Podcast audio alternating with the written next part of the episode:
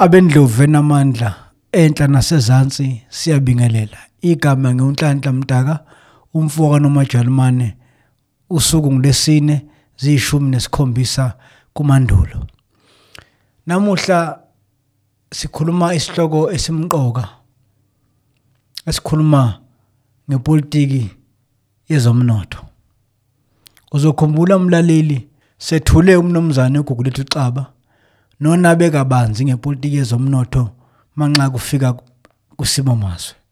Namhla ke sethula omunye ungoti umnumzane uLindani Dlomo ongoti ekwakhiweni kwamabhizinisi. Inhloso yethu lapha nabuhlanga ukuthi singaniciji nje kuphela ngolwazi lwepolitiki ngoba idliwa kepha sinicije nangolwazi lokwakha amabhizinisi abohlanga lokwakha umnotho wabohlanga kanjalo nokuqonda ngesimo nje mazwe manxa kufika kwezomnotho ngoba ishwe likhona eningizimu Afrika namuhla elokuthi yebo amandla epolitiki sinawo siyavota sivote ngobuningi kepha singenawo amandla omnotho. Kuyintokozo ke kimi ukuba ngethule omunye wababhali bethu ungoti kwezokwakhiwa kwamabhizinisi umnumzane uLindani Dlomo ozozethula bese ehlala phezulu kodaba. Ingqikithi. Asikhulumi noma ngaziphi nje izindaba. Sithukusa ezindabeni eziqukethe ubunjalo obuyifagugu umsoco banzi kanye nobuntatheli obuhlabahlosile itholakala maphakathi nesonto njalo ntambama ngelesithupha lapho sifunda khona izindaba ezintathu ezikhethiwe oshicilelweni lwakamuva lwephephandaba ibayede. Sibuye sibike ngezakamuva ezishisayo. Ingqikithi. Ngiyabingelela kubalaleli namhlanje ngiyajabula ukuthi noma ngabe isikhathi sini sosuku oyilalele ngaso ukuthi uyithokozele le nkulumo namhlanje i sihloko sanamhlanje ngifisa sikhulume ngaso si sikuthi liyini ibhizinisi? Kodwa singakangeni kulo kuhle nazi ukuthi nikhuluma nobani. Nikhuluma nolindani wakwadlomo. Ongomunye wabalobi engosini yezamabhizinisi kulona iphepha leli ibayede. Futhi osebenza kakhulu ngamabhizinisi ahlukahlukene njengomeluleki futhi nanjengomuntu osebhizinisini uqobo lwakhe. Futhi osebhalile nezinye zezincwadi ezisizile abaningi abafisa ukungena kulomkhakha wamabhizinisi. Ngicabanga ukuthi lokho kuyanikeza isithombe sokuthi ibhizinisi engizokhuluma ngalo namhlanje elicatshangwa yimina elisemqondweni wami kodwa futhi nelisemqondweni wakho liyibhizinisi. Ngifuna ukuthi uma ungibuza umbuzo othi liyini ibhizinisi noma ubuzo omunye umuntu wazi ukuthi ibhizinisi liyimpilo. Incwadi engayibhala ithi ibhizinisi liyimpilo. Futhi ibhizinisi nempilo qobo lwayo iyibhizinisi ngoba yonke into esetshenziswa umuntu empilweni mungase uyibhekisise iyakwazi ukwenza ibhizinisi yenzela yena noma yenzele omunye umuntu ibhizinisi. So ke ngifuna ukuthi uma ulibuka ibhizinisi noma yiliphi ukubuke nje wonke amabhizinisi akhona. Ukuthi ibhizinisi liwukufezekisa izidingo zomuntu ophilayo. Lizifezekise ngendlela yokuthi azimisele futhi ukuthi lokho akutholayo akukhokhela imali. Awukwazi ukuba sebhizinisini ubungakwazi ukungafuna imali futhi. Ngoba kuyahambisana lezi zinto ibhizinisi nemali izinto engeke uzuzihlukanise ngeke ukwa mangabe ngaphandle mangabe uphakela nje abantu ungaqonde kuthola lutho. Kodwa uma usebhizinisini kufanele wazi ukuthi usebenza nje kukhona ozokuzuza. Futhi ozokuzuza akungabi ngaphansi kwaloko okufakile. Ilento ke siyesithi profit ukuze ukwazi ukuphinda uqhubeke njalo ebhizinisini kufanele wazi ukuthi okufakile uthola okungaphezulu kwaloko okufakile. Umqondo lowo uzokwenza ukuthi wazi ukuthi kukhona izibalo eziphakathi okudingeka ukuthi uzenze ukuze ibhizinisi lakhe lime. Ngizama ukukha phezulu nje ngingakangeni endabeni ende engicabanga ukuthi nawe uhumusha ngeyakho. Ngitheke ibhizinisi liyimpilo. Impilo ke uthi uma uyicabanga zonke insuku ngisho ukuphefumula sekwaba imali ngoba ukuthola le oxygen oyitholayo khona sebeyidayisa sababona ukuthi ngokushoda kwayo kuyadingeka ukuthi bavule um- umkhakha wokuthi bayidayise le oxygen es- es- esizoyiphefumula. Njengoba kukhulunywa nje ibhedlela manje kuthiwa kushoda i-oxygen sekukhona abantu abasizakele ngokuthi laba abagulayo bakwazi uku- uku- uku- ukuthola into yokuphefumula. Umoya esiwusebenzisayo usuyibhizinisi. Ngizama ngento elula ozothi uma uyicabanga uyibone ukuthi noma yini ongase uyithathe ibe usizo komunye umuntu ayikhokhele uyokwazi ukuthi leyo nto ingaba ibhizinisi. Ngiye ngithi uma ngikhuluma nabantu ngithi ngisho amanzi uqobo lawo lawo esiwaphuzayo. Uma wakhula wakhe emfuleni njengami ongangingakaze ngicabanga ukuthi angasabe ibhizinisi kodwa ngokukhula lapho ngibona khona sengihlangana nawe sesebhodleleni esemahle ejuluka ephuma efrijini ila ngabona khona ukuthi hawu kanti ungayithatha nje into uyicosha phansi uyipholishe uyenze ibe yinto uyifake entweni enhle bese uyidayisela omunye umuntu. Uyihlanganise ngendlela ezokuthi uma siyihlangene ibe yinhle athi mayebuka isithombe umuntu athi oh yazi yayinhle lento ngisho ukhuni olo- o- olapha olomile uyalithatha umuntu alibasi omunye alithathe lolo lukhuni alihlanganise alihlanganise selizolahlwa. Ngake ngabona insizwa enye ihlanganise yahlanganisa iy'nkuni ezi- ey'coshe lapho olwandle sezindala yakhipha isithombe ngoba yayumdwebi futhi yayiwumaki- umbazi yabumba yabumba yahlanganisa ngendlela ethile kwaphuma into ethile. Ngakho-ke ngifuna ukucabanga kwethu kusabalale. Ibhizinisi asicabangi njengesitolo asicabangi nje kuphela ngento ez- eziphathekayo kodwa sicabanga ngento yonke eyenza umuntu aphile. Kodwa ke ekufanele futhi kucace mangase ngithi liyini ibhizinisi umbuzo ongeke uze uqede lo ngoba futhi ngizowuphendula ngokuthi liyisithembiso.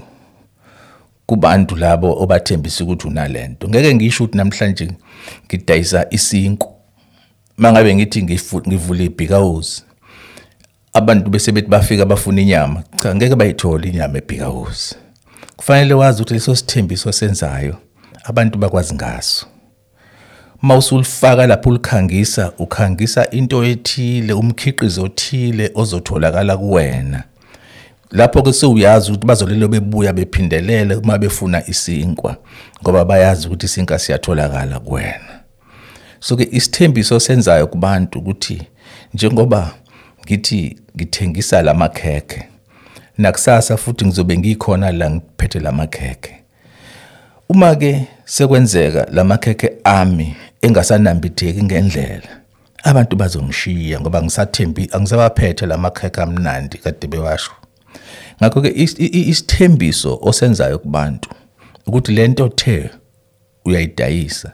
Ikhona ibhizinisi lisukela lapho ekutheni uthi uma ubuka into awukwazi ukudayisa lokhu namhlanje kusasa ubuya nokunye kusasa ubuya nokunye bazogcina abantu bengakwazi ukuthi uphathani eqinisweni.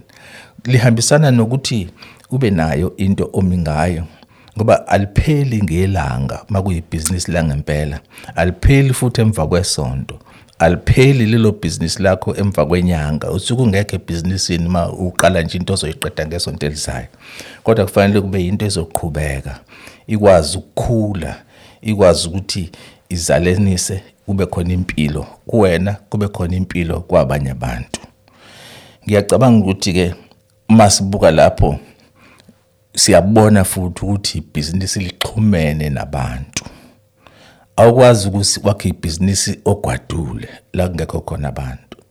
Ibhizinisi liyinto oyibeka kubantu uyinikele kubantu uthi lento en- engiphethe ngiyazi ukuthi bakhona bazoyithanda akufuneki ithandwe abantu ababili kuphela kodwa kufuneka ithathwe ithandwe yiningi. Ingakho abanye baye bazi bathi kungcono wenze nenhlolovo yokubona ukuthi bangaka abantu abazowuthanda lo mkhiqizo wakho. Ngoba ngesikhathi beba baningi abantu kusho ukuphumelela kwebhizinisi lakho. Ibhizinisi liloko uzothi uma ukubeka kubantu babe baningi abantu abakulangazelelayo futhi iphele besayithanda ubuye uphinde ulande enye leyo nto oyidayiselayo obadayisela yona. Lencike kakhulu kubantu ngoba uma beke bakulahla abantu ebhizinisini usuke ulahlekile. Ngithanda ukuthi futhi ibhizinisi li lakheka kalula ngokwethembana. Angikwazi nje ukusukeleka ngithenge noma ibani. Khona into eyakheka ngokuhamba kwesikhathi umuntu lo ugcina umazi ubone ukuthi lo muntu ngingathenga kuyena ngoba uphetha izinto ezithembekile. Uma ngabe ngizophatha um- umkhiqizo ongizothi ngisawuthenge namhlanje kusasa sewuyaphuka kodwa imali yami sengiyikhokhile. Lapho ukuthembana kuyasuke kulahlekile. Akufuneki kube khona ungethembani ozothi sewuyithengile into yokudla uyafika lapha esiswini siyakuphatha kabi. Lowo muntu ngeke usamethemba nangelila ngeke uphinde uye othenga kuwe. So ke kufanele kube khona ukwethembana. Nokwethembeka kulabo bantu obathembisile. Ngiyacabanga ukuthi mangabe si- siyibuka lento siyibona iyinto elula. Abanye bethu bayibona iyinto elula kanti iyinto enzima. Ngoba ikudinga sonke isikhathi uhlala ucabanga ngabantu. Uthi ucabanga ngabantu bese ucabanga ngokuphucula umkhiqizo onawo. Ibhizinisi ke ngeke kube into ephathekayo ngithe kwesinye isikhathi ayibi into ephathekayo. Kwesinye isikhathi kuba into nje oyikhulumayo. Khona abantu abaphila namhlanje ngokukhuluma nje basebhizinisini elimile. Abanye basebhizinisini lokucula. Lokho usebenzisa lokho onakho ukuze ukwazi ukujabulisa abanye abantu. Bahambe nje abantu bayokulalela ukhuluma ubahlekise ubahlekise bahambe ubuye ngakusasa. Uyakwazi ukuthi uthuthukike from lapho ekutheni kade ulakha kade kade ukhuluma nabo abantu ubuse uyithatha ke uyifaka lo mkhiqizo wakho uwufake entweni abazohamba beyilalele. Bese kuthiwa i-CD noma uyenze ngayiphi indlela ezokuthi umuntu ayithenge. Noma ekekho lapho kade ukhona uyandise ngendlela yokuthi abantu bayithole noma ngabe baphesheya kweyilandle bakuthole ukhuluma. Ngakho ke ibhizinisi ke liyinto nayo efana nomuntu edinga ukondliwa. Awukwazi ukuthi uvele ulakhe nje bese uyalishiya. Uthemba ukuthi uzobuya ngakusasa futhi ulifice lisekhona kufanele ulonge. Liyinto efana nomuntu en- eyiwele ngoba kwenzeka kwento encane kuyalimaza ibhizinisi. Kuyalenza futhi liphelelwe liphelelwe ukusebenza phakathi kwabantu. Yikho ke nje ngigcizelela ukuthi ibhizinisi liyinto ebanzi kodwa liyinoma yini ongase uthi uma uyithatha uyibeke phambi kwabantu bathi uma beyithanda bese beyikhokhela imali. Uma bengafuni ukukhokha imali awukakabikho ebhizinisini. Bayabuza ke mhlamba abanye abohlanga ukuthi phu kuye kuhlale kuthiwa abohlanga abekho nje kakhulu kumabhizinisi. Ibhizinisi liyinto exhumene ehlanganayo. Kufanele libe kube khona ukuhlangana. Elizokwenza abantu bathande ukuthenga ezitolo za- za- za- esitolo sakho. Bakwazi ukuthenga umkhiqizo wakho ukuxhumana nabantu sengike ngakusho. Kodwa akugcini lapho khona into engithe ukwethembana nokwethembeka kuthatha isikhathi lokho. Futhi kwesinye isikhathi kuyahambisana nobuzwe.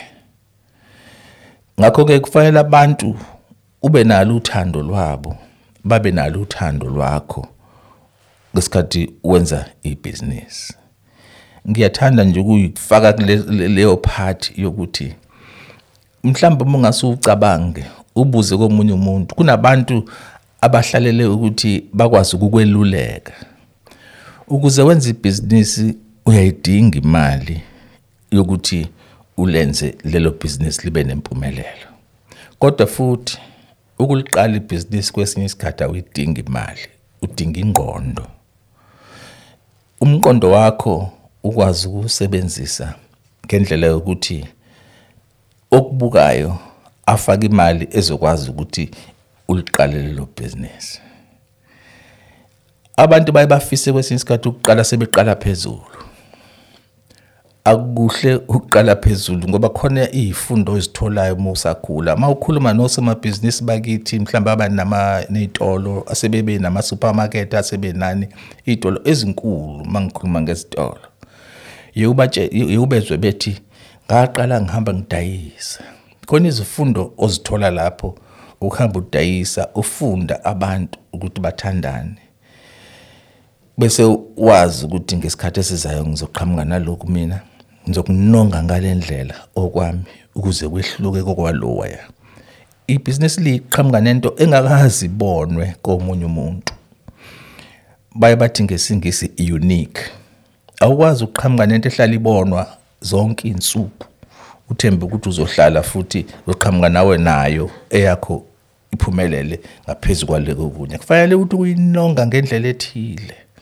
Noma ngaba amakheke akho kufanele ahluke kwenye inkampani. Khona inkampani esezahlala sezinemikhiqizo eyaziwayo othi uma ufika emashalofini esitolo ubone ukuthi nanka amakheke ngiyawazi lawa makheke engizothenga wona. Kufanele nawe wakho ufake isinongo esithile ozothi uma usichaza kubonakala ukuthi ehlukile kulawa wabanye.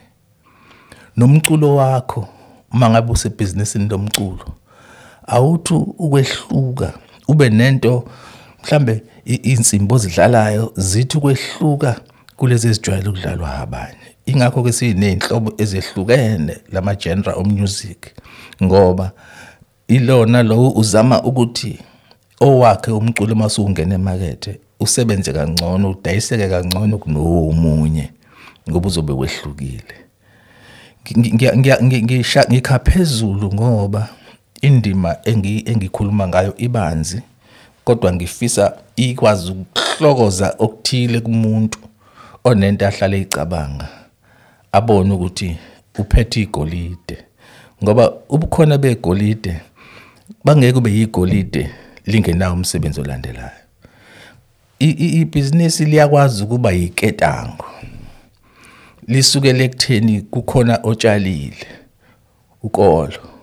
Watshala ukolweni omunye wathi mina ngizowugaya.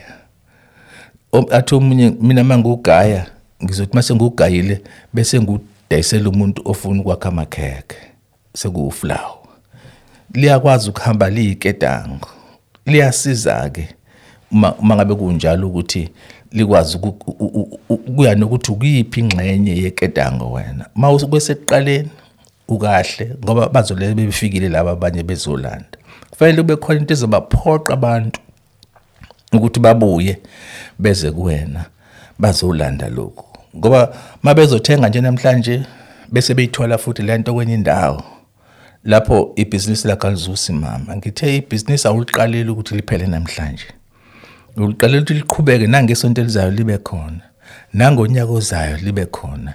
Ibhizinisi umthetho walo kufanele libe elezizukulwane wazi kodwa ukuthi alihlali liyinto eyodwa liyaphucuzeka likhule usuku nosuku. Khona izinto ezintsha ozengezayo ukuthi ibhizinisi lime. Ngithanda ukuma lapho kwanamhlanje kodwa ngethemba ukuthi khona kuzokuhlokoza emqondweni womuntu olalelele lenkulumo abese ecabanga ukuthi yena angenza kanjani enzeni futhi ukuze akwazi ukwenza lokho kwakhe kungene kube yibhizinisi. Ngibonge ukuthi uyilalelile lenkulumo sizophinda futhi siqhubekeke siqhamuke nesihloko esisha engethemba ukuthi sizokwazi ukulaleleka usithokozele. Ngiyabonga. Haya babo, kahoshi sicephu ngahlala mne